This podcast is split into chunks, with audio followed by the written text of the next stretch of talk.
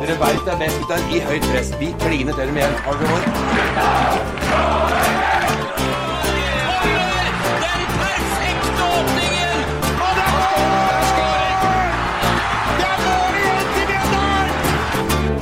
Velkommen til episode sju av eh, spesialpodkastserien MIF-historien eh, fra alle gutta. Eh, denne gangen så er vi kommet til årtusenskiftet, altså 2000, eh, og skal ta for oss tiåret fram til 2010.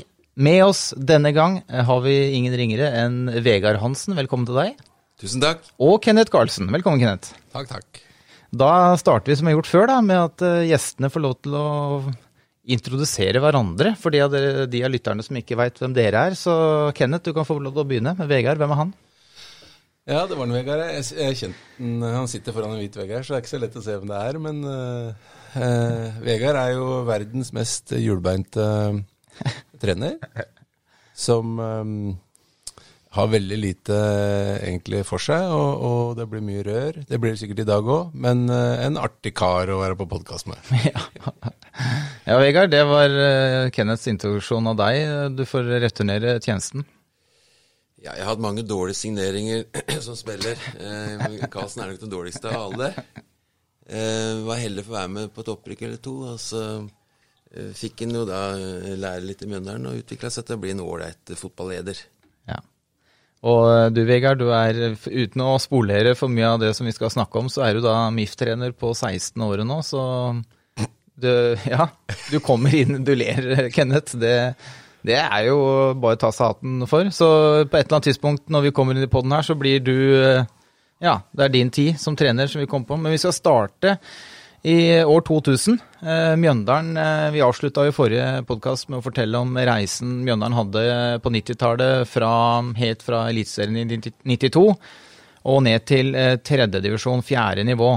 Det var en brutal reise på 90-tallet, og når vi starter år, nye årtusenet, så er det fortsatt ikke noe lys i sikte, i hvert fall ikke umiddelbart. Eh, hvordan husker dere som var på en måte Det var jo ikke i klubben på det tidspunktet, men husker dere Tenkte dere at Mjøndalen var litt ferdig på toppnivå eh, når vi var i den tida der? Jeg var, var og så en del kamper, eh, særlig da Espen ble trener. Eh, men det var jo på fjerde nivå, og vi spilte jo i godset begge to da, så det blei jo Det var ikke sånn at det var veldig engasjerende, egentlig. Det var jo litt sånn breddeklubb som mange andre, egentlig. Mm. Som man ikke men, men jeg hadde et forhold til Mjøndalen fra før. Jeg var jo eh, ble oppe, i Vikersund og, og dro til Mjøndalen for å se toppfotball på, på 80-tallet. Eh, Så jeg holdt jo med Mjøndalen, faktisk, jeg da, selv om jeg var godsespiller. eh, Særlig fordi Espen var trener etter hvert. Så, så fulgte jeg litt med, men ikke sånn Var på noen kamper, men ikke sånn veldig tett. Nei. Du Kenneth, du hadde vel mer et sånt hatforhold til Mjøndalen eh, på den tida der, hadde du ikke det? Eh, ja, det var egentlig før. Eh, Fordi sånn jeg opplevde det, så var det Rivaliseringa var litt sånn borte, fordi det var for stor avstand. Jeg husker annet vi hadde noen cupkamper mellom Mjøndalen og Strømskog som ikke blei helt det som man liksom prøvde å bygge opp til, fordi avstanden var for stor.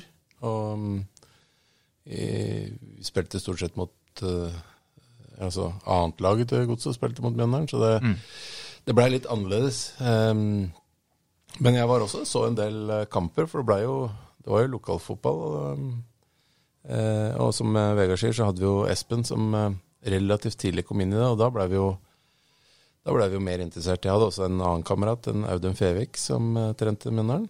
Og som gjorde at jeg fulgte litt mer. Så jeg er helt sikker på at jeg så mye kamper i, i disse åra her, men, men um, er nok Både jeg og Vegard er vel kanskje ikke de aller aller beste til å fortelle om de åra der. Men, det var, det var jo litt spenning rundt i kvalkampen mot Merkantil og, og Notodden, selv om oppgjøret ikke ble spennende fordi det ble eh, klare tap. Så var det jo litt sånn blest akkurat rundt de kampene. Det var jo eh, noen sesonger der som det var veldig uflaks også.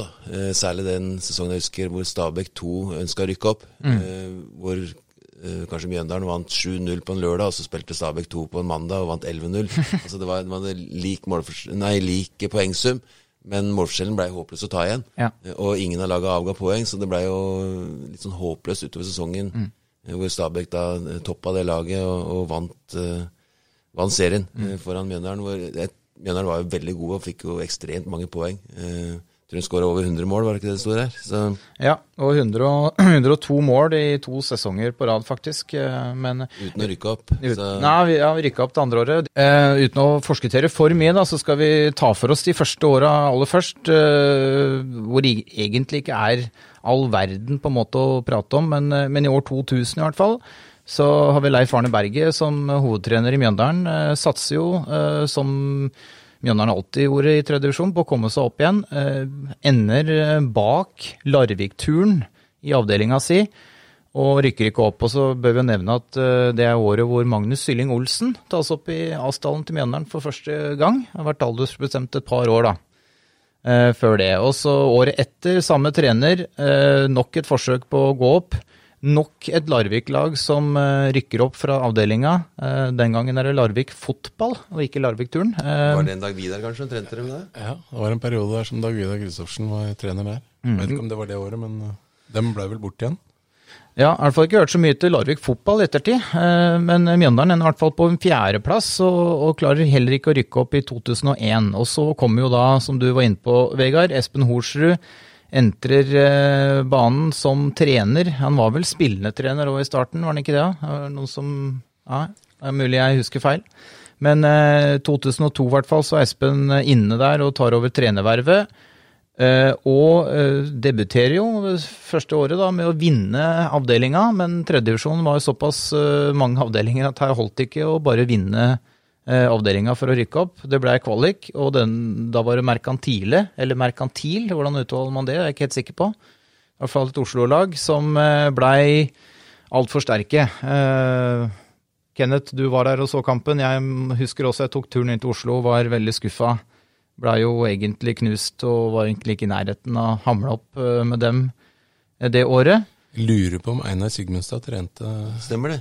Det gjorde han faktisk. trente Merkantil da. Ja. Stemmer det. Så, så bare, bare på et nytt år. Espen eh, bretta opp erma, men så kom vi til 2003, som eh, året hvor Notodden vinner avdelinga. Mjøndalen ender på femteplass. Og det er jo historisk, for det er jo faktisk det aller laveste eller svakeste plasseringa Mjøndalen noen gang har hatt i historien. Da passer det seg vel å sende en hilsen til den. Gratulerer, Horsrud. Ja, det, det er jo Ja, tapte vi både mot Strømsgodset 2 og Solberg eh, det året. Eh, Ja, det var et eh, tungt år som jeg tipper de fleste med brune hjerter bare ønsker å glemme. Men, men, men Espen han fikk, han fikk dreis på laget igjen året etter. eh, 2004 så ble det nok en avdelingsseier, og møter den gang Notodden. Og så blei det som det blei mot Merkantil. Eh, stortap eh, i kvaliken. Eh, det var i hvert fall åpna vel med eh, Lurer på om det var fire eller fire nulltap borte mot Notodden i første kampen. 5-1 sammenlagt, ja.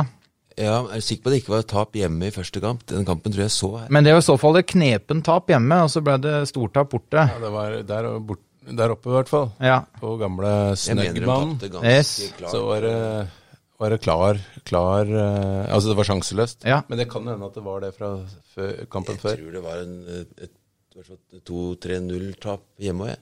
Det mener jeg husker jeg s- så den kampen. ja. Men, eh, men Notodden var i hvert fall suverent best. 5-1 sammenlagt, som sagt. Og, Fagermo som trener. Ja, og da ble hans navn på en måte kjent. Han rykka jo opp med Notodden og fikk jo Ja, jeg, starten på hans trenerkarriere, det.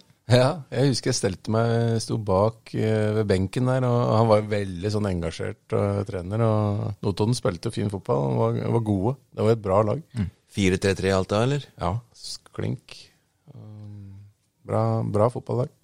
2004 så er også året Mats Hansen eh, debuterer i Brunt. Eh, får jo ganske mange sesonger da, eh, etter det. Og, og eh, Tom Gulbrandsen eh, gjør comeback.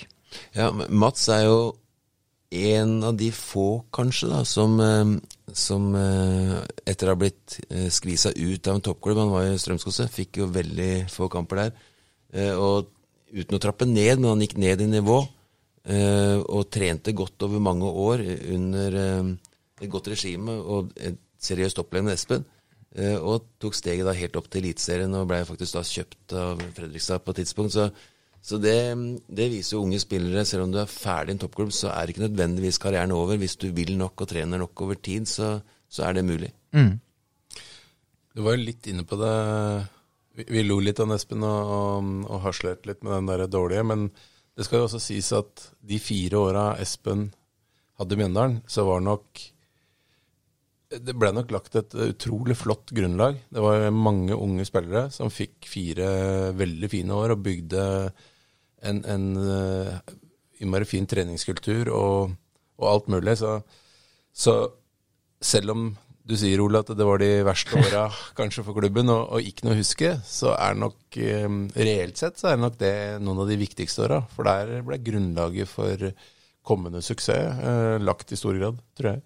Det har du nok helt riktig, og, um, og det var jo, nå kommer jo til det, eh, 2005-sesongen som du var inne på i stad, Vegard, hvor Stabæk kniper eh, førsteplassen i avdelinga i tredje divisjon foran Mjøndalen eh, på bedre målforskjell. Eh, Det holdt, holdt rett og slett ikke å skåre over 100 mål, Stabæk hadde vel 120. Um, og da er det nok en gang Solberg som stikker kjepper i hjula. eh, klarer, river til seg den uavgjort, og det blir den eneste uavgjorten Mjøndalen får den sesongen der, i tillegg til tap bort mot Stabæk. da. Den, eh, den kampen var på Nadderud, så husker jeg 4-2-tap der. Som, og det spolerte jo egentlig sjansen, og skjønte jo på en måte at uh, Stabæk kommer til å vinne resten av sine. Jeg lurer på om Alasinho spilte den kampen, jeg. Ja, Det jeg var også så den, og det, det var noe Jeg skulle akkurat si det. Det var et eller annet dem toppa laget. Ja. Det var, det, det var en av de første gangene det blei litt bråk rundt dette her med bruk av spillere på annetlaget. Mm, eh, men uansett, eh, og det, det er jo litt tilbake til det du sa, Kenneth, det var, her bygde jo Espen et lag som åpenbart var gode nok for å spille i andredivisjon. Og så Selv om det skal ikke tas noe ære fra deg, Vegard, når vi kommer til 2006, men, men det var åpenbart, du hadde jo gode arbeidsforhold. Ja, jeg tenkte å spare at til vi kom til 2006, men, eh, men eh, Og jeg husker jo Espen var jo involvert i ansettelsen av meg. Eh, Etter at jeg var ferdig da på, på Stord, så, så fikk jeg en telefon fra Espen, eh, som det er en gammel kompis. Eh, Han hadde bestemt seg for å gi seg. Eh, Og så fikk jeg samtidig et tilbud fra Jevnaker, husker jeg. Da var de to klubbene ganske eh, jevngode eh, og ganske lik historie for så vidt. Også selv om Mjøndalen har vært mye bedre over tid enn Jevnaker, så, så var det litt historie der også. Eh, nærhet til Hønefoss. Vi i Mjøndalen hadde nærhet til, til Drammen og Strømsgodset. Det var ganske likt sånn. Eh, men så husker jeg fikk til, jeg fikk tilbud om 100 000 i lønn i Mjøndalen, og 200, akkurat dobbelte, i Jevnaker. Roy Arild Fossum, som hadde vært treneren min i Hønefoss, var eh, leder der oppe. Og, og jeg må innrømme, jeg var i tvil. Eh, da husker jeg, jeg vet ikke om du husker det, men jeg snakka med deg. Ja, vi hadde ganske mange samtaler om det. For du syntes det var vanskelig å bestemme deg. Og det var jo en sånn samtale som En av de første samtalene jeg husker hvor For du sliter jo noen ganger med å bestemme deg litt, da. Og da hender det du ringer eh, ennå, og da, da og det, liksom, det var første gang vi begynte å snakke om sånn rekkefølge på hva er det, hva er det aller viktigste.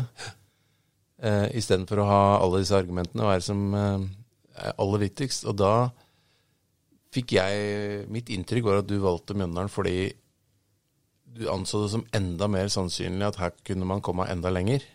Ja. Og det hadde sikkert litt med den gjengen og, det, og Espen og den kulturen og de tinga der, men så hadde det vel sikkert litt med klubben å gjøre over, jeg tror. Ja, jeg, jeg, jeg tenkte at Jevnaker der oppe jeg, Det er ikke overraskende det som har skjedd, da. Nå er Jevnaker på vel fjerde eller kanskje femte nivå.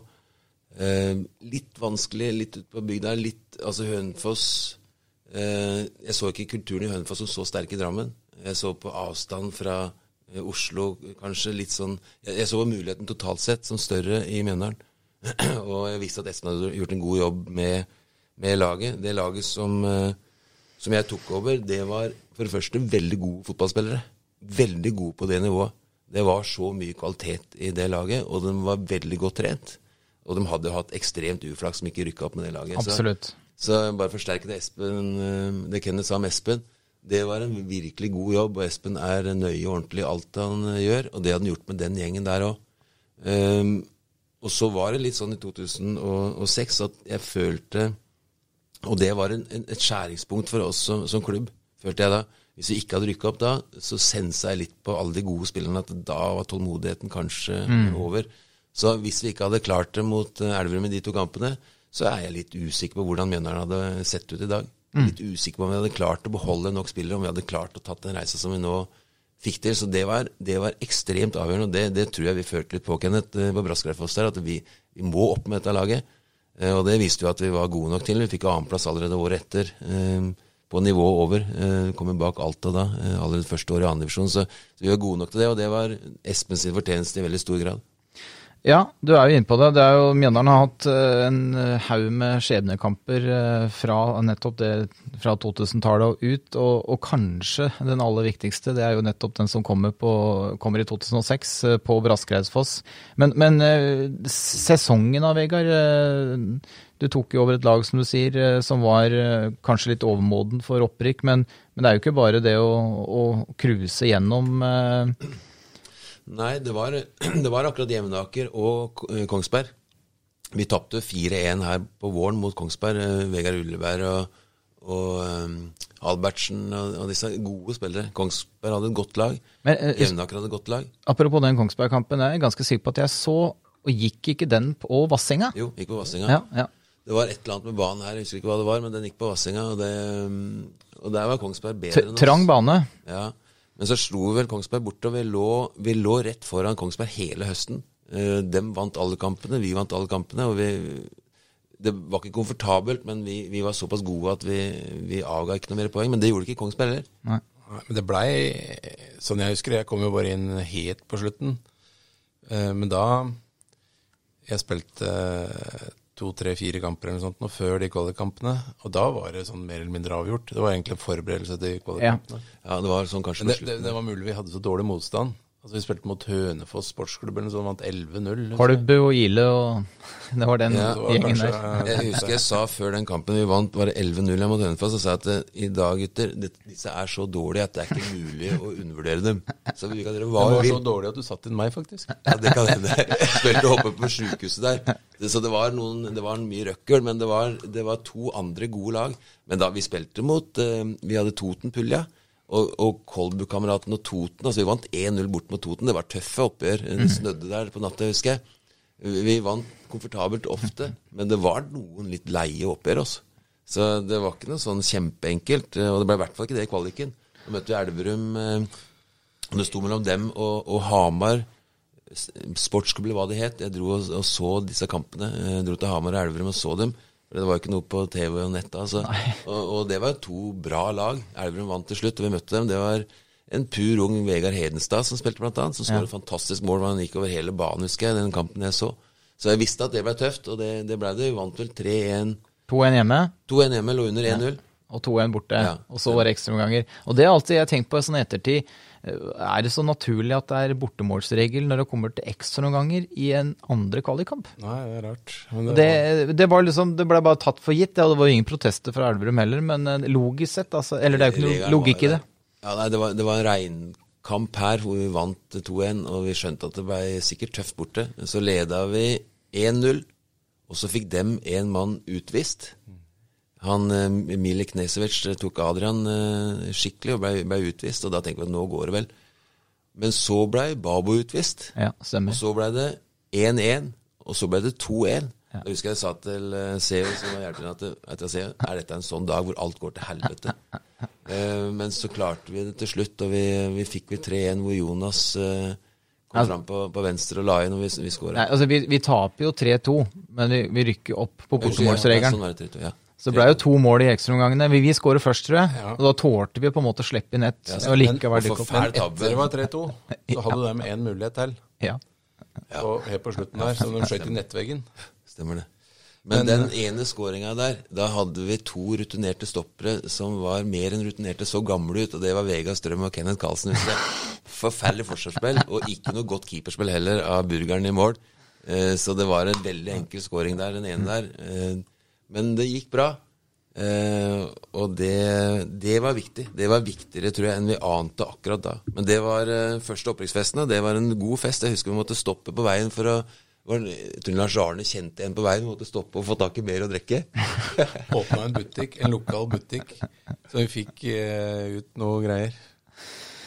Men det var Men, med, altså, vi har snakka om dramatiske kamper i den siste tida, men det er jo nesten ikke mulig å gjøre det mer dramatisk. Det er jo sånn straffespark neste, da. Uh... Ja, men, men det, var, det er et annet element med den kampen der, som i hvert fall jeg opplevde, som da hadde bare kommet til klubben en uh, måned eller to før, eller hva det var for noe. Skulle bare, jeg skulle egentlig bare hjelpe Vegard som en kamerat for å spille.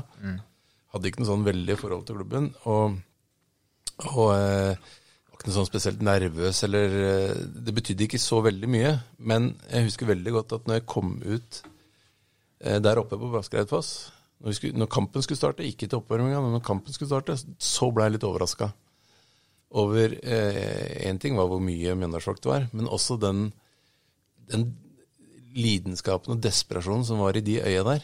Og det var en Kjetil Berg og en Lars Arne, og det var sikkert deg, og det, var, det er mange av de som har vært med nå hele veien. Og det, så det husker jeg faktisk jeg tenkte over underveis, at oi. Eh, så det nesten sånn at jeg blei litt nervøs og blei mer engasjert i, av den kampen, fordi jeg skjønte litt eh, Jeg merka hvor mye det betydde for folk.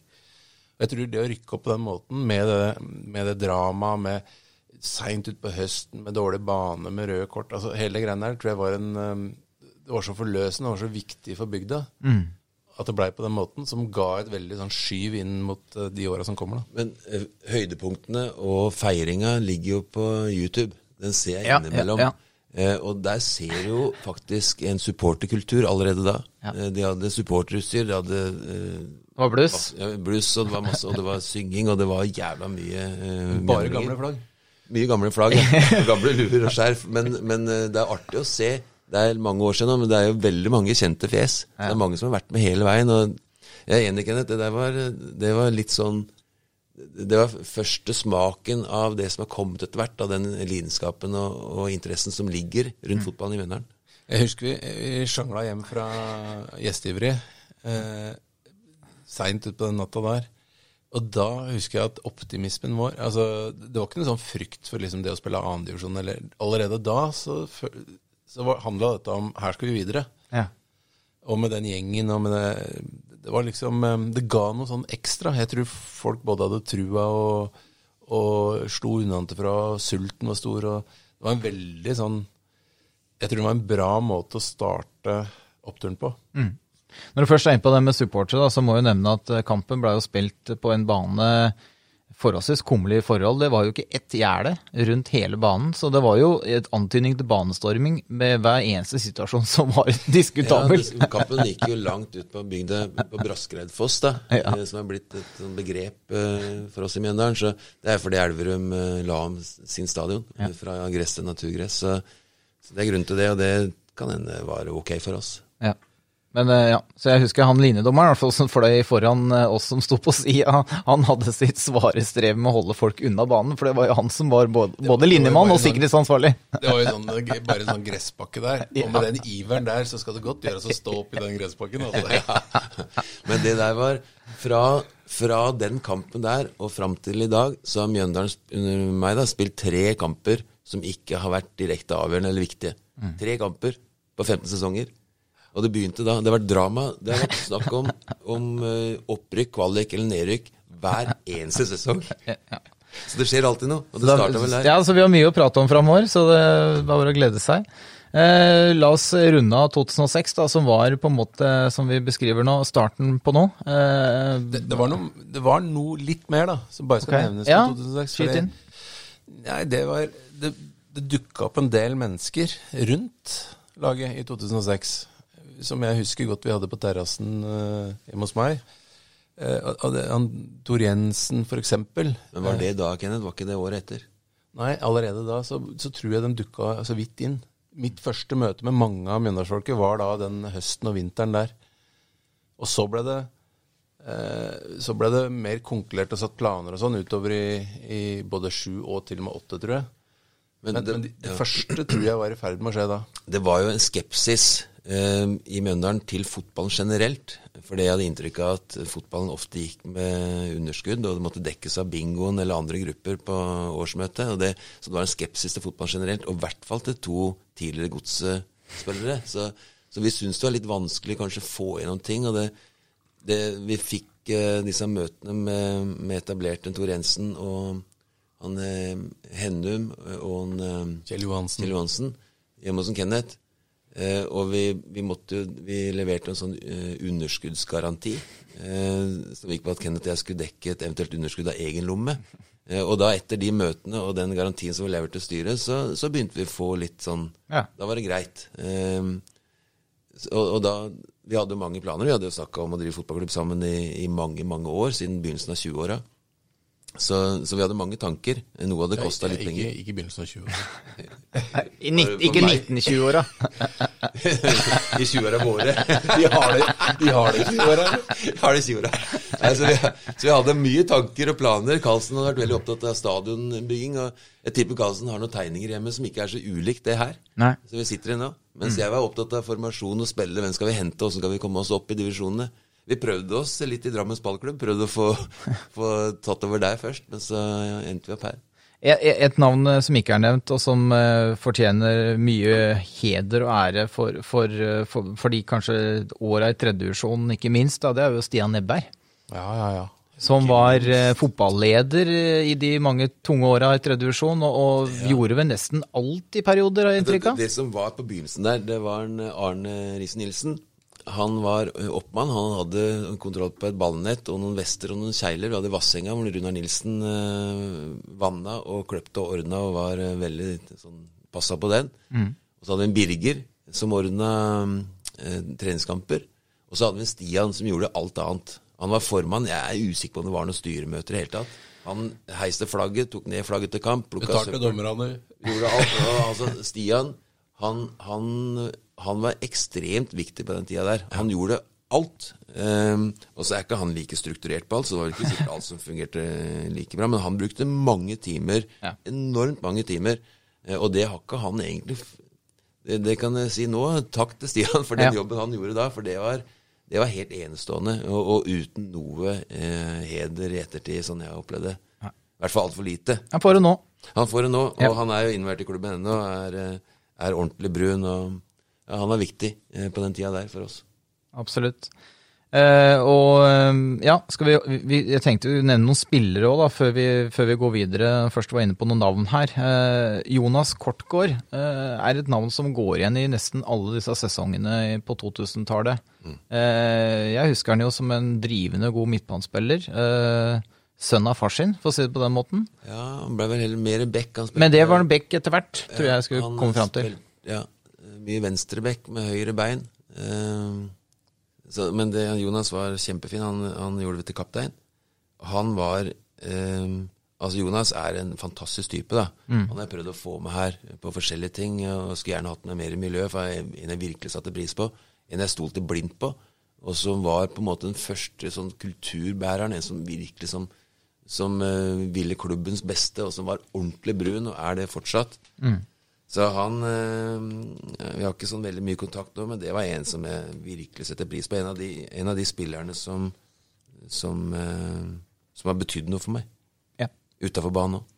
Og mange av disse gutta, da, det er jo åtte, ti, tolv navn egentlig, som blei ehm, Som var her lenge, og som uh, runda av utover på eh, mange år etter, men som gjorde en, en fantastisk jobb. For meg så er Det er sikkert ikke riktig i forhold til statistikker, og sånt, men for meg så er den kanskje den aller viktigste og største, og som ga meg mest trua på at dette her kan bli virkelig bra, det er Glenn Hillern. Ja. Eh, fordi eh, jeg opplevde at det, uansett vær, uansett om det var lite folk eller mye folk, eller kaldt eller varmt, eller uansett hva det var, så ga han jernet.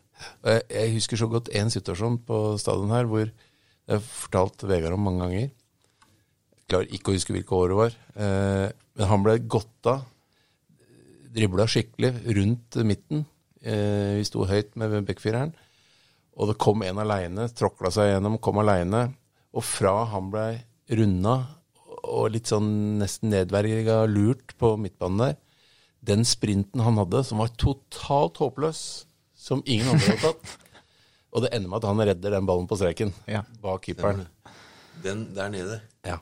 Og da tenkte jeg det laget her er ikke så lett å slå.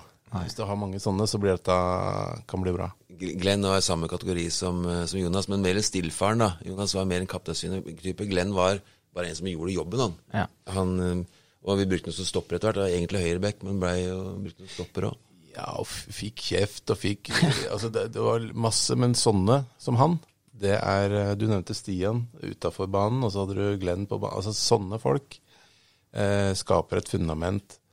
Og da kan du snakke om lag og innsats og kameratskap. Det er, eh, det er Men så hadde vi ei rekke på topp der som ikke var så god å spille mot, med Rudi Hollemann og, og Adrian Paul med den jævla farta de hadde, og Henrik Hontvedt som spiss Ja. i 4-3. Det var ikke så lett for disse halvfeite bekkene i Og Mats i- bak dem. Og Mats bak der som indreløper. Så godt vi lag. hadde et godt lag. Vi hadde et godt lag. Vi, vi, kom, jo- vi hadde jo Vålinga litt til kne her, da. Ja, og da, vi kommer jo til det året, for det er jo 2007-sesongen, eh, hvor eh, vi kan ta cupen først. Eh, vi- I serien så går jo mye bedre enn frykta, men, men vi får jo Vålerenga her i cupen. Det er jo eh, bare 2-0 etter ti minutter eller noe sånt eh, det sto. Kunne fått bli tre òg. Adrian var aleine med, med keeper på 2-0. Mm. Um, så blei vi litt sliten på slutten, og de vant vel med ett mål. eh, 3-2. Vant 3-2, tror jeg. Men, men det var også en sånn litt sånn viktig kamp, fordi da tror jeg mange av disse gutta her fikk litt sånn smaken, og fikk litt sånn reality check på hva er egentlig det nivået vi skal til etter hvert. Og jeg tror ikke de syntes det var så ille. Um, så det var også en sånn, selv om det ikke vant, så tror jeg det ga både spillerne og kanskje litt publikum og alle rundt litt trua på at her er det, her er det mulig å få til noe. Ja, det var en artig kamp. Eh, Og det blei også artig i serien eh, i 2007, eh, første året etter opprykket fra tredje divisjon.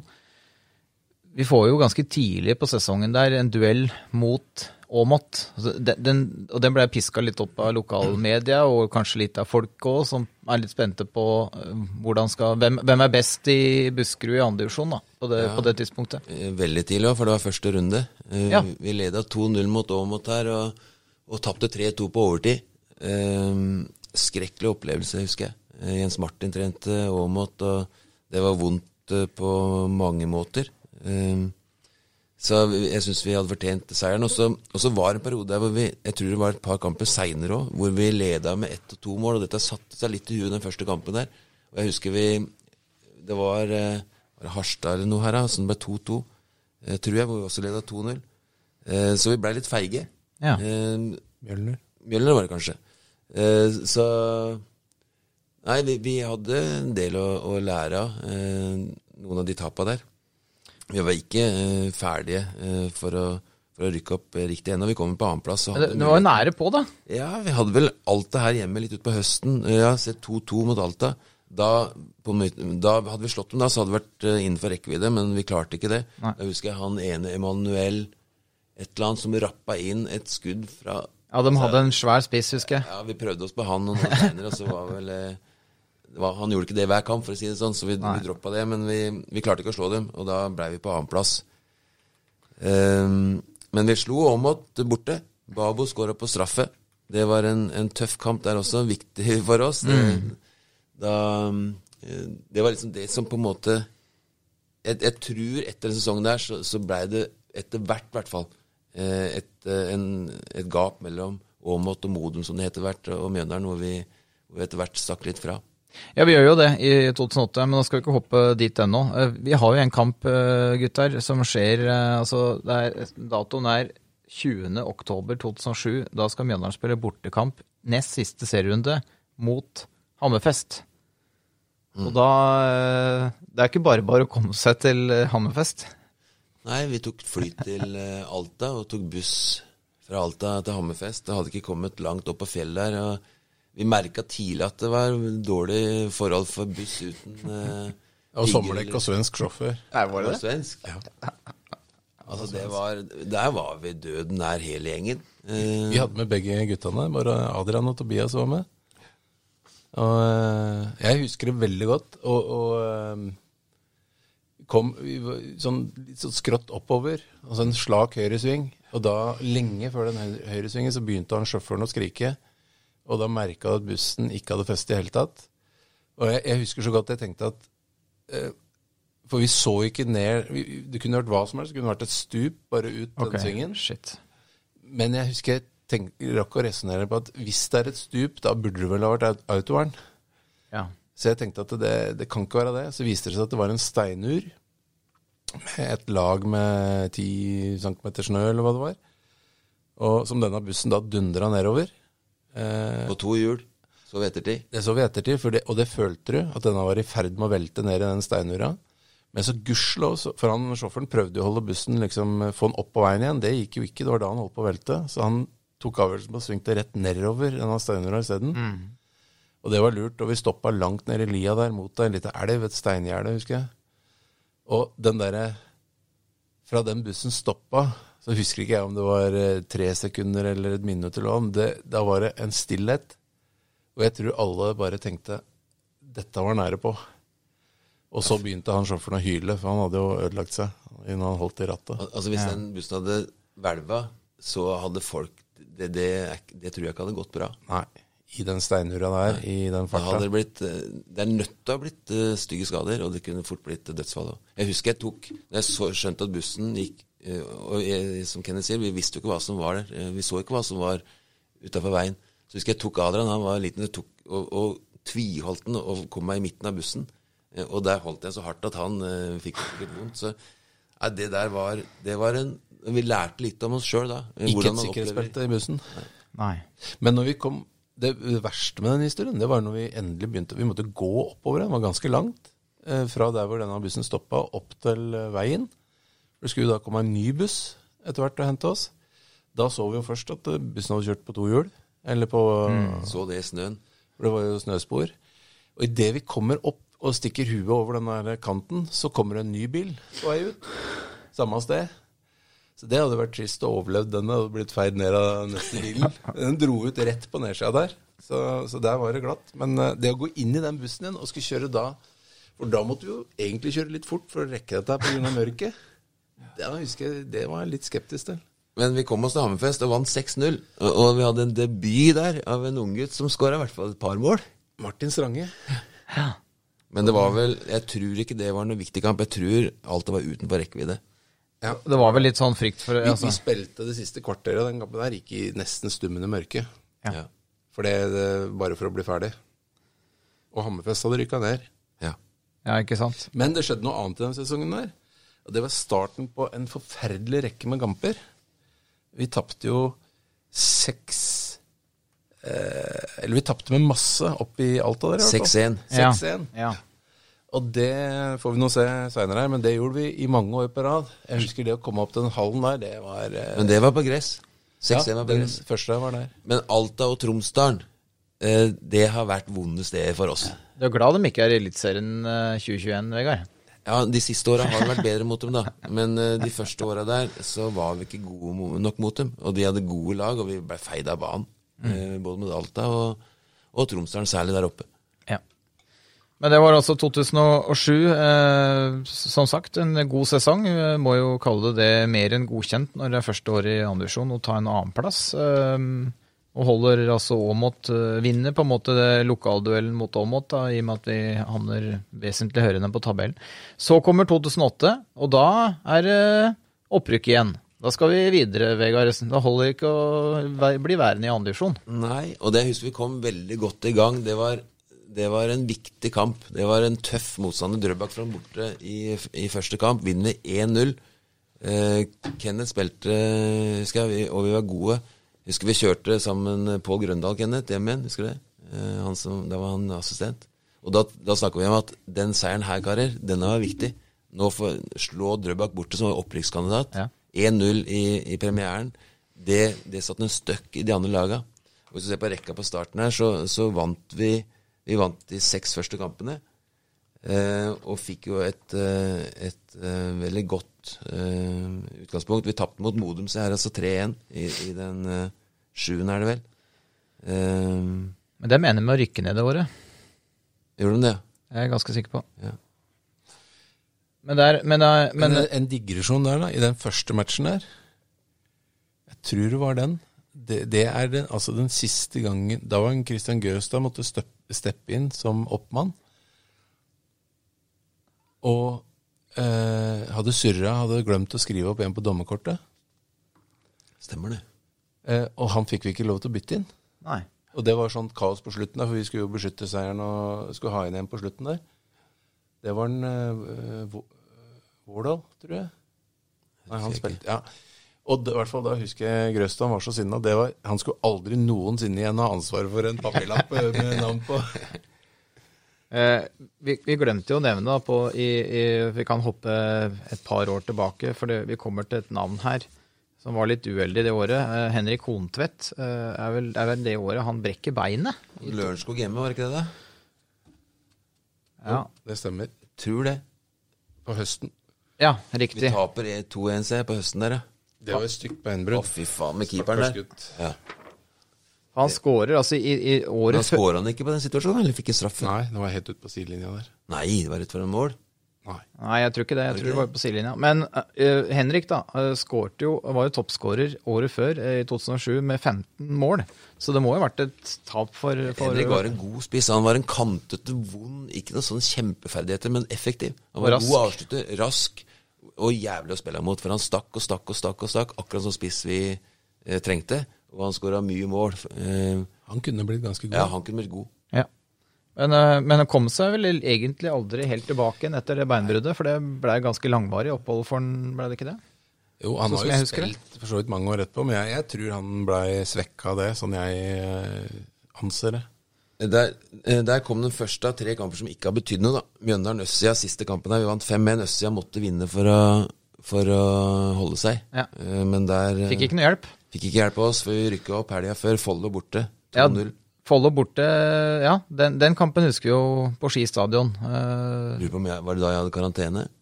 Eller var det sein, et seinere opprykk? Ja, Det er jeg ikke sikker på. Men, men jeg minnes i hvert fall at vi har hatt en del hyggelige opplevelser. På, du snakker om Tromsdalen og Alta som litt sånn dårlige baner, men Ski stadion og Follo har vi gode erfaringer med. Ja, Vi har rykka opp der to ganger. Eh, eller om vi har holdt plassen der i hvert fall en gang. Holdt, holdt plassen, sånn ja, ja. Eh, så, men eh, den seieren, den, den satt jo på en måte, selv om vi dominerte fælt, så satt det langt inne likevel. Satt langt inne. Vi vant 2-0, og den andre skåringa var forløsende. Det var Anders Ekholt. Rudi, Rudi Hollemann på Ja. Ja, stemmer det. Brantvik er straffe i den kampen òg?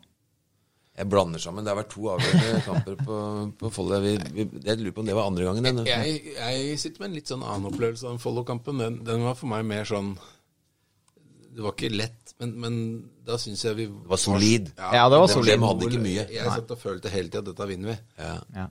Um, så Men, men det, det bød på opprykk til førstedivisjon og en ordentlig opprykksfest, husker jeg i hvert fall. Uh, det, pleier å være opposisjon når vi rykker opp. Det, der er vi gode. Det var et dumt, spørsmål. Var Mjøndalen klare for, for spillet i førstedivisjon? Altså ja, vi er sportslig gode nok når vi rykker opp, men, men hvordan var det å ta det? Altså, vi var, altså vi, både det opprykket til, til Adecco, som det het da, og ikke minst da vi rykker opp i, til Eliteserien i, i 14 der, så, så følte vi oss egentlig ikke klare, Kenneth. Nei. På ingen måte. Men det var ikke så lett å bli klar heller. fordi vi hadde jo ikke, Det var ikke sånn at en kunne bruke masse ressurser eller penger på å bli klar. altså Vi har jo valgt å prestere først og bygge med resultatet av prestasjon. Mm. Vi hadde ikke noe investeringspenger vi kunne investere i et eller annet. Så vi måtte liksom prestere med veldig små midler og, og lite folk og alt, sånt noe. Og så fikk vi øh, Gjorde vi det bra og rykka opp, og så måtte vi da bruke mye av det på å så, så Vegard som trener, da, det har jo aldri vært sånn at vi liksom kunne bruke masse penger til å bygge Kjøpe masse spillere det første året. Det, da var det en evig kamp for å holde seg igjen. Ja. Eh, så det brukte vi jo bare tre sesonger, eller hva vi brukte da, på å virkelig klore eh, i, i Adecco. Men det, det, som er fra Altså opprykket fra annendivisjon til, til første, eller Adecco, da, det, det kom jo noe helt enorme krav for oss som klubb. Mm. Eh, og det gjaldt hvordan stadion skulle se ut. Og, altså det var mange ting der som vi, vi var jo milevis unna. Og det gjaldt jo da å få knota dette til sånn at vi fikk en dispensasjon. da. Det var disse bølgebryterne. Ja, jeg skulle akkurat si det. Som var så meningsløst. Og jeg husker han Tor Jensen eh, Han var så forbanna på noen ting der. Kenneth, hadde vel Hadde du blitt ansatt der, Kenneth? Nei da. Jeg var eh, bakmann Men- Baken uh, Tor. Ja, Tor var daglig leder, og så ble Kenneth kom inn etter hvert. Og vi var, vi var fortsatt veldig få. Mm. Jeg husker jeg jobba på var eneste markeds... eh, så jeg hadde alt av marked.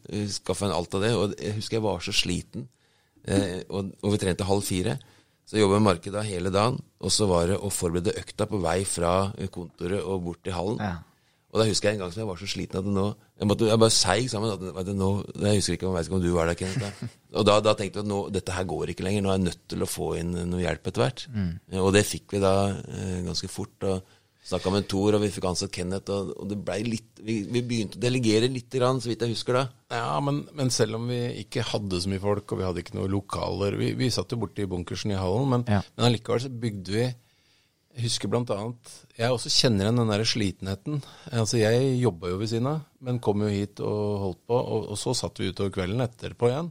Du, du, du fungerte jo vel som Altså, du var veldig involvert selv før du ble ansatt, da. Ja da, men jeg hadde full jobb ved siden av, da. Men, Ja. men i tillegg da, så Når vi var slitne, så var det jo, da tok vi jo kanskje en kald øl, og så kom en Kjetil Berg, og så kom en Runar. Så vi hadde jo mange sånne kvelder borti der. Altså Miljøet og kulturen ble jo bygd i de åra der. Ja. Og det ble bygd fordi vi er sånn. Vi, vi jobber hardt, og vi står på, vi koser oss sammen, vi har det moro sammen. Og vi, vi er ærlige og og ålreit mot hverandre. Og det, er, det, det var et kameratskap. Og vi var jævla heldige med de som var her, da. Mm. Og vår væremåte passa veldig godt, og vi fant jo det slagordet til, til Gubbe. Og, og dette passer veldig fint inn i arbeidersamfunnet i Mjøndalen.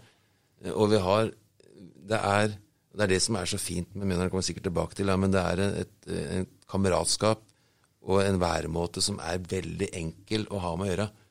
Og vi jobber hardt, men vi har det artig sammen nå. 2009 eh, i hvert fall eh, gjensynet med førstedivisjon etter eh, veldig mange år i lavere divisjoner. Og, og toppfotballen, da, for det er jo det vi i- Norge kaller toppfotballen. Det er jo de to øverste nivåene. Eh, vi visste jo eh, at dette var eh, et år hvor vi skulle kjempe med ryggen mot veggen. Eh, og det blir det jo òg. Nå har jeg kommet på et nivå nå, nå, nå begynner jeg å huske alle disse kampene. Ja, ikke sant? To, du, år, du, to år på rad så hadde vi Nybergsund-Trysil borte, og vi tapte 1-0 to år på rad. i hvert fall. Vi tapte i hvert fall. ja. Eh, og så husker jeg Sogndal-kampen her, kamp to, hvor vi får en mann utvist. Smerud ble vel utvist, tror jeg. Husker du hvem som ble Gul bane.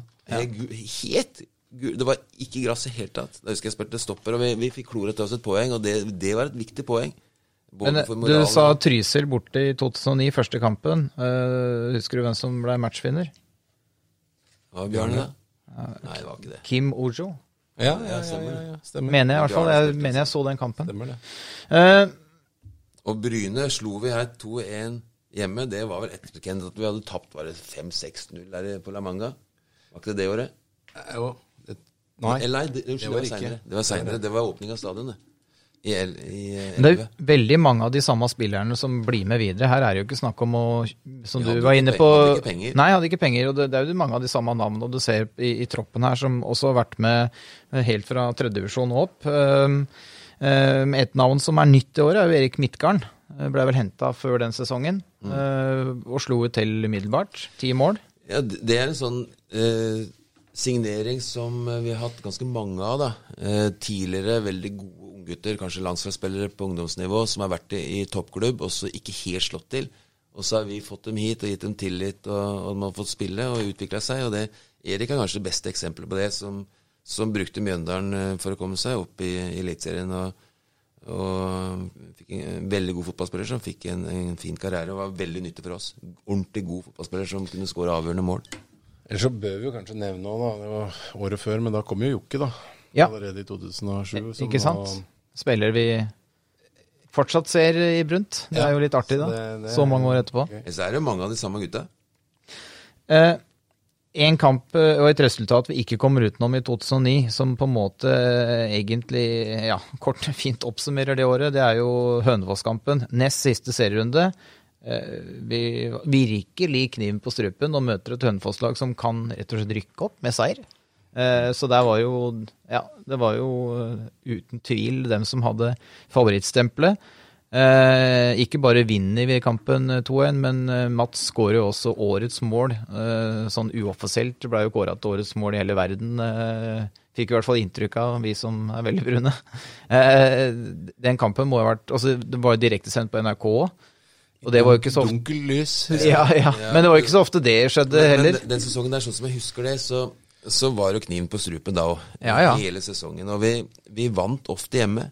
Og så tapte vi da kanskje borte, og så måtte vi vinne hjemme igjen. Og så klarte vi akkurat det. Og så var det sånn akkurat at vi, vi hang liksom med. Det var fire lag. Altså det var fire av 16 som gikk ned. Ja. 25% Det var statist, altså prosentvis den hardeste divisjonen i Europa å holde seg i. Så det var knalltøft. Vi hadde lavest budsjett, og det, det, det var så, så tøft. Jeg husker vi tapte mot Stavanger, så 3-1 er borte. Og så måtte vi slå da Moss, vant 3-1. Og så drar vi til Alta, taper da selvfølgelig 3-1. Og så må vi vinne hjemme, og så vinner vi da den kampen mot Hønefoss 2-1. Um, og det, ja, det, det var eh, sånn sesongen var. Ja. Det, Vi har litt flaks der med at HamKam, da, tross alt som hadde akkurat rykka ned fra Eliteserien, gjør jo en eh, katastrofalt dårlig sesong. I hvert fall eh, i forhold til forventningene, som er med på en måte å berge oss og sånn. Med Var, poeng. Ja, ikke sant? Så det var jo utrolig mange poeng eh, du måtte ha for å holde deg det året her. Eh, Det er en annen ting som skjedde det året der, som, som, eh, som det jeg ser er mye snakk om, jeg, både i år og tidligere. og Det, det handler om spillelogistikk. Og det var det egentlig det første året hvor vi Jeg husker vi vurderte veldig sterkt om vi skulle begynne å hente spillere. Og da mener jeg ikke fra eget juniorlag, men altså fra andre spillere rundt omkring. Eh, og på den tida der så, så hadde vi jo ganske god kontroll, for det var kort tid siden både Vegard og jeg hadde vært i, i, jeg, toppfotballen og, og kjente mye folk og kjente mange av de vi henta. Jeg syns jo at vi gjorde Og det, det har jeg sett på mange ganger. Jeg har jo absolutt alle spillerne vi har henta. Hva de har kosta, både i lønn hva, Altså kostnadene på dem kontra og hva vi fikk ut av dem. Og da syns jeg vi hadde fantastisk spillelogistikk. Altså jeg syns det var utrolig mye bra. Så fins det helt sikkert enkelte eh, som ikke var like gode. Men, men når du ser på de navnene her, altså Daniel Reynoso eksempel, da. Det å få tak i han til Mjøndalen eh, på det tidspunktet der, det var en klippe, og det var helt avgjørende. Så, så det var mye gode spillere. Eh, selv om de ikke tjente mye penger eller håper holdt å ble noen stjerner, så var det ganske gode sp- fotballspillere. Dette var jo før uh, Wisecout, og før man kunne se annendivisjon og førstedivisjon også på, på nett eller TV, så vi, vi måtte jo reise rundt og se. Eh, så de som jobba mest og hardest, og som eh, la mest i det, fikk best oversikt. Så vi reiste rundt og så kamper overalt. Jeg dro til Raufoss og så Raufoss 2 eh, i forkant av at vi skulle møte dem. Altså det, det, var, det var sånn vi jobba. Så vi brukte all tid på, på det her, og, og reiste og kikka. Og, og sånn skapte vi Fabian Andersen, eksempel. Det var så Øssia. Eh, Dro og så annendivisjon divisjon og tredjedivisjon. Og, og vi, vi var flinkere enn de andre eh, i stor grad, og, og lykkes veldig godt med, med signeringene. Eh, og så er det én kamp denne sesongen her som vi nesten må nevne, da, og det er Haugesund hjemme. Ja. Vi snakker om drama, Ja, ja, eh, ja. Hvor, hvor vi har flaks dem for en utvist og Sørenbom på straffe. Vi går rett opp og skårer, og vi vinner 4-2. Helt avgjørende eh, seier mot et lag som kjempa for, eh, Adrian for skåra vel tre eller noe sånt, tror jeg. Var i den kampen det var delt ut tre eller fire straffespark, og de bomma på én eller Ja, sånt? det var noe sånt. Ja. Adrian var jo, altså Den type kamper med kontringer, så var jo Adrian altså helt ekstremt god. Altså Han var totalt ustoppelig når han hadde dagen. Hvis han fikk med seg ballen i tillegg til å være så rask, så, så var han uh, forferdelig å, å stoppe. Og det fikk Haugesund merke den kampen der. Anders Rotevatn eh, var jo keeperen eh, noen år der. Viktig, viktig spiller eh, for. Mjøndalen. Ja. Han, øhm, han, øh, han var virkelig god. Han gjorde mye bra. Altså. Så det var også en sånn en klippe, etter min mening. Ja. Eh, vi, og vi begynte å få veldig sånn sterke relasjoner. Var sånn som Mats, Mats og Adrian. Rotevatn og, øh, og Mats, for eksempel. Ja. Eh, altså masse sånne gode ting som skjedde om igjen og om igjen. Som jeg husker vi satt ofte på benken og bare venta på at det og det skulle skje. Ja, altså Hvis Mats, Mats eh, når han fikk los på et eller annet, og kunne dra en mann, og satte fart, og Adrian stakk i bakrom, eh, og Anders til, til Jokke, og Jokke på enters opp på Mats, kanskje. altså Det var, var mye sånn som, som begynte å klikke i gir, da. Mm. som gjorde at vi at vi blei ganske gode. Men det må jo kanskje si, Kenneth, også Kongsvinger borte. eh, 2-0-tap. Det er den andre av de kampene som ikke har betydd noe. og der Ja. Eh, Ja. Det tapet der tok vi veldig lett. eh, og du kom inn. Vil du si noe om eh, den kampen der? Nei, jeg husker ikke den kampen. Jeg. Nei, det skjønner jeg, for du, hadde jo, du var kanskje ikke helt edru? Ja, det må jeg ha vært, for jeg spilte i hvert fall. Ja, nei, du var ikke edru likevel. Han, han hadde faktisk en liten Det går an å si så mange år etterpå. Eh, han hadde- Er det foreldelsesfrist Ja, på sånt? det, det, den, den, den flaska var ja, i, i Det hvit var, plast. Run, det var Runar, Runar Nilsen og jeg som satt på bussen oppover. Ja. Og da hadde vi kjøpt drikke etter vi skulle ha på vei nedover. og så lå dette og klirra. Vi klarte ikke å holde oss, så gitt. Og blanda en liten en i den flaska på benken òg, vet du. Og så satt jeg som spiss fem minutter før slutt. Og han løp som fader. Vi satt på benken der og lo. Han var helt vill, Karlsen. Jeg lurer på om du fikk en halvsjanse. Ja, det er en ganske stor sjanse. Men, uh... Men det var, det var god stemning på benken her, og det var god stemning på vei hjem. Det var en søndagskamp, men vi havna i Drammen allikevel, husker jeg. Det var uh, Det, det der var en, en stor opplevelse å holde seg der. Det var ingen som hadde trodd. Eh, og vi, vi klarte det akkurat. Nå har vi, nå har vi kommet, oss, kommet veis ende i det vi skulle ta for oss i, i denne episoden. Og, og sånn kort oppsummert da, så er jo denne her eh, helt motsatt av forrige tiår. Altså da Mjøndalen tar reisen fra eh, i hvert fall nesten, da, i form av at vi kommer oss ikke opp i Eliteserien i løpet av 2000-tallet fram til 2010, men vi tar også, kommer oss opp tre nivåer. og, og er, det, det er gjenreisning av Mjøndalen egentlig som er de, det tiåret det der. er store grunnsteiners år. Ja. Tiår. Og det starter med Espen. For å gjenta det, det var, eh, han la noen utrolig viktige steiner i dette Mjøndalsgjerdet. og, og, eh, og så følte, var det mange som fulgte opp etter hvert. Og det, det ble et ganske solid byggverk. Vi må, må jo si sånn avslutningsvis I den perioden her så, så klubben Vi vokste, vi, vi tok så mange nivåer sportslig. eh, Og klubben, organisasjonen og alt hang litt sånn etter. Så måtte dra det med oss, eh, følte jeg. Og ikke minst når det gjaldt stadion. Eh, Faren din, Ole, var jo, Arne, var jo sentral på starten av sine prosjekter, og den gjengen som bygde hallen her i Vassenga, var utrolig driftige folk. Og så fikk vi ikke helt til det stadionprosjektet før eh, før det kom til slutt. Og det, det var i grevens tid. Vi hadde dispensasjon da et år eller to, kanskje på overtid òg. Da veit du mer om, Kenneth. Men, men det med å bygge stadion og, og ferdigstillinga der uh, etter hvert, og, og hvordan det har blitt, det var helt avgjørende for at vi eh, kunne ta det siste steget til Eliteserien og, og kanskje kunne etablere oss eh, der, da. Så, og, og der hadde vi Der, der kom Kenneth inn eh, og var veldig viktig etter hvert som daglig leder. Og, og begynte å samarbeide med de andre gruppene som hadde jobba med dette her i Mjøndalen. Og, eh, vi, vi kunne, det, det var for tynt, bare det. Altså, vi hadde ikke klart å holde oss i, i Obos heller, eh, uten å ha tatt med oss klubben og, og økonomien og akademi og alt dette som nå gjør at klubben er så solid.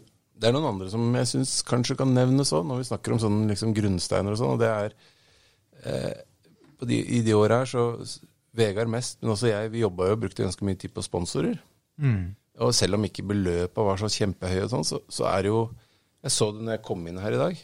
Så, så ser jeg jo da fortsatt skiltene etter en del av din gjengen som var med da, og som hadde trua på noe som ikke var så veldig lett eh, å ha trua på, men som valgte å bli med. Um, og det er Mjøndalsbedrifter som, som kan slå seg litt på brøstet, syns jeg nå. Eh, og dem har vi jo valgt å på en måte ta vare på i alle år etterpå. Det er ikke så lett å skru opp prisen her, fordi eh, du, skal få, du skal få igjen litt for å ha trua når ingen andre har det. Det har vært uh, veldig mange, uh, og selvsagt så klarer vi jo ikke å nevne alle. Så Nei, det blir håpløst. Men, men uh, det er også det, det var også ett navn til som kanskje kan nevnes sånn i ettertid, og det var en, litt sånn sammen med Espen, så hadde du en Bjørn Nilsen, som, som gjorde en veldig god jobb i de Og jeg tror enda viktigere jobb før vi kom inn, altså i de første åra på dette årtiet. Som, eh, som i hvert fall var med Som jeg var mye involvert med de, de første tida, og som Ja. var en veldig flink kar. Altså. Og så var det han jo direkte avgjørende for at Adrian kom til oss. Det var hans kontakt, så vidt jeg husker. Og han eh, fikk vel også Vegas Strøm inn og skal, ga han jobb. Så, så han eh, Ja. Og så er det farlig, det der vi driver med med å nevne navn, det, det er farlig fordi vi, sannsynligvis så glemmer vi noen. Og det er ikke, er ikke fordi det ikke Det er bare fordi vi husker dårlig. Men, men sånn får det nå bli. Det er viktig allikevel å ta de vi kommer på i farta her. Ja. Og um, Da lurer jeg på om vi skal runde av der, for uh, nå ser jeg at timen nærmer seg. Og da, uh, men vi kommer jo tilbake uh, med en ny episode en uke seinere, hvor vi skal ta for oss de ti siste åra. Så for nå, takk for bidraget, både Kenneth og Vegard. Og så ønsker vi uh, gjenhør til alle som hører på.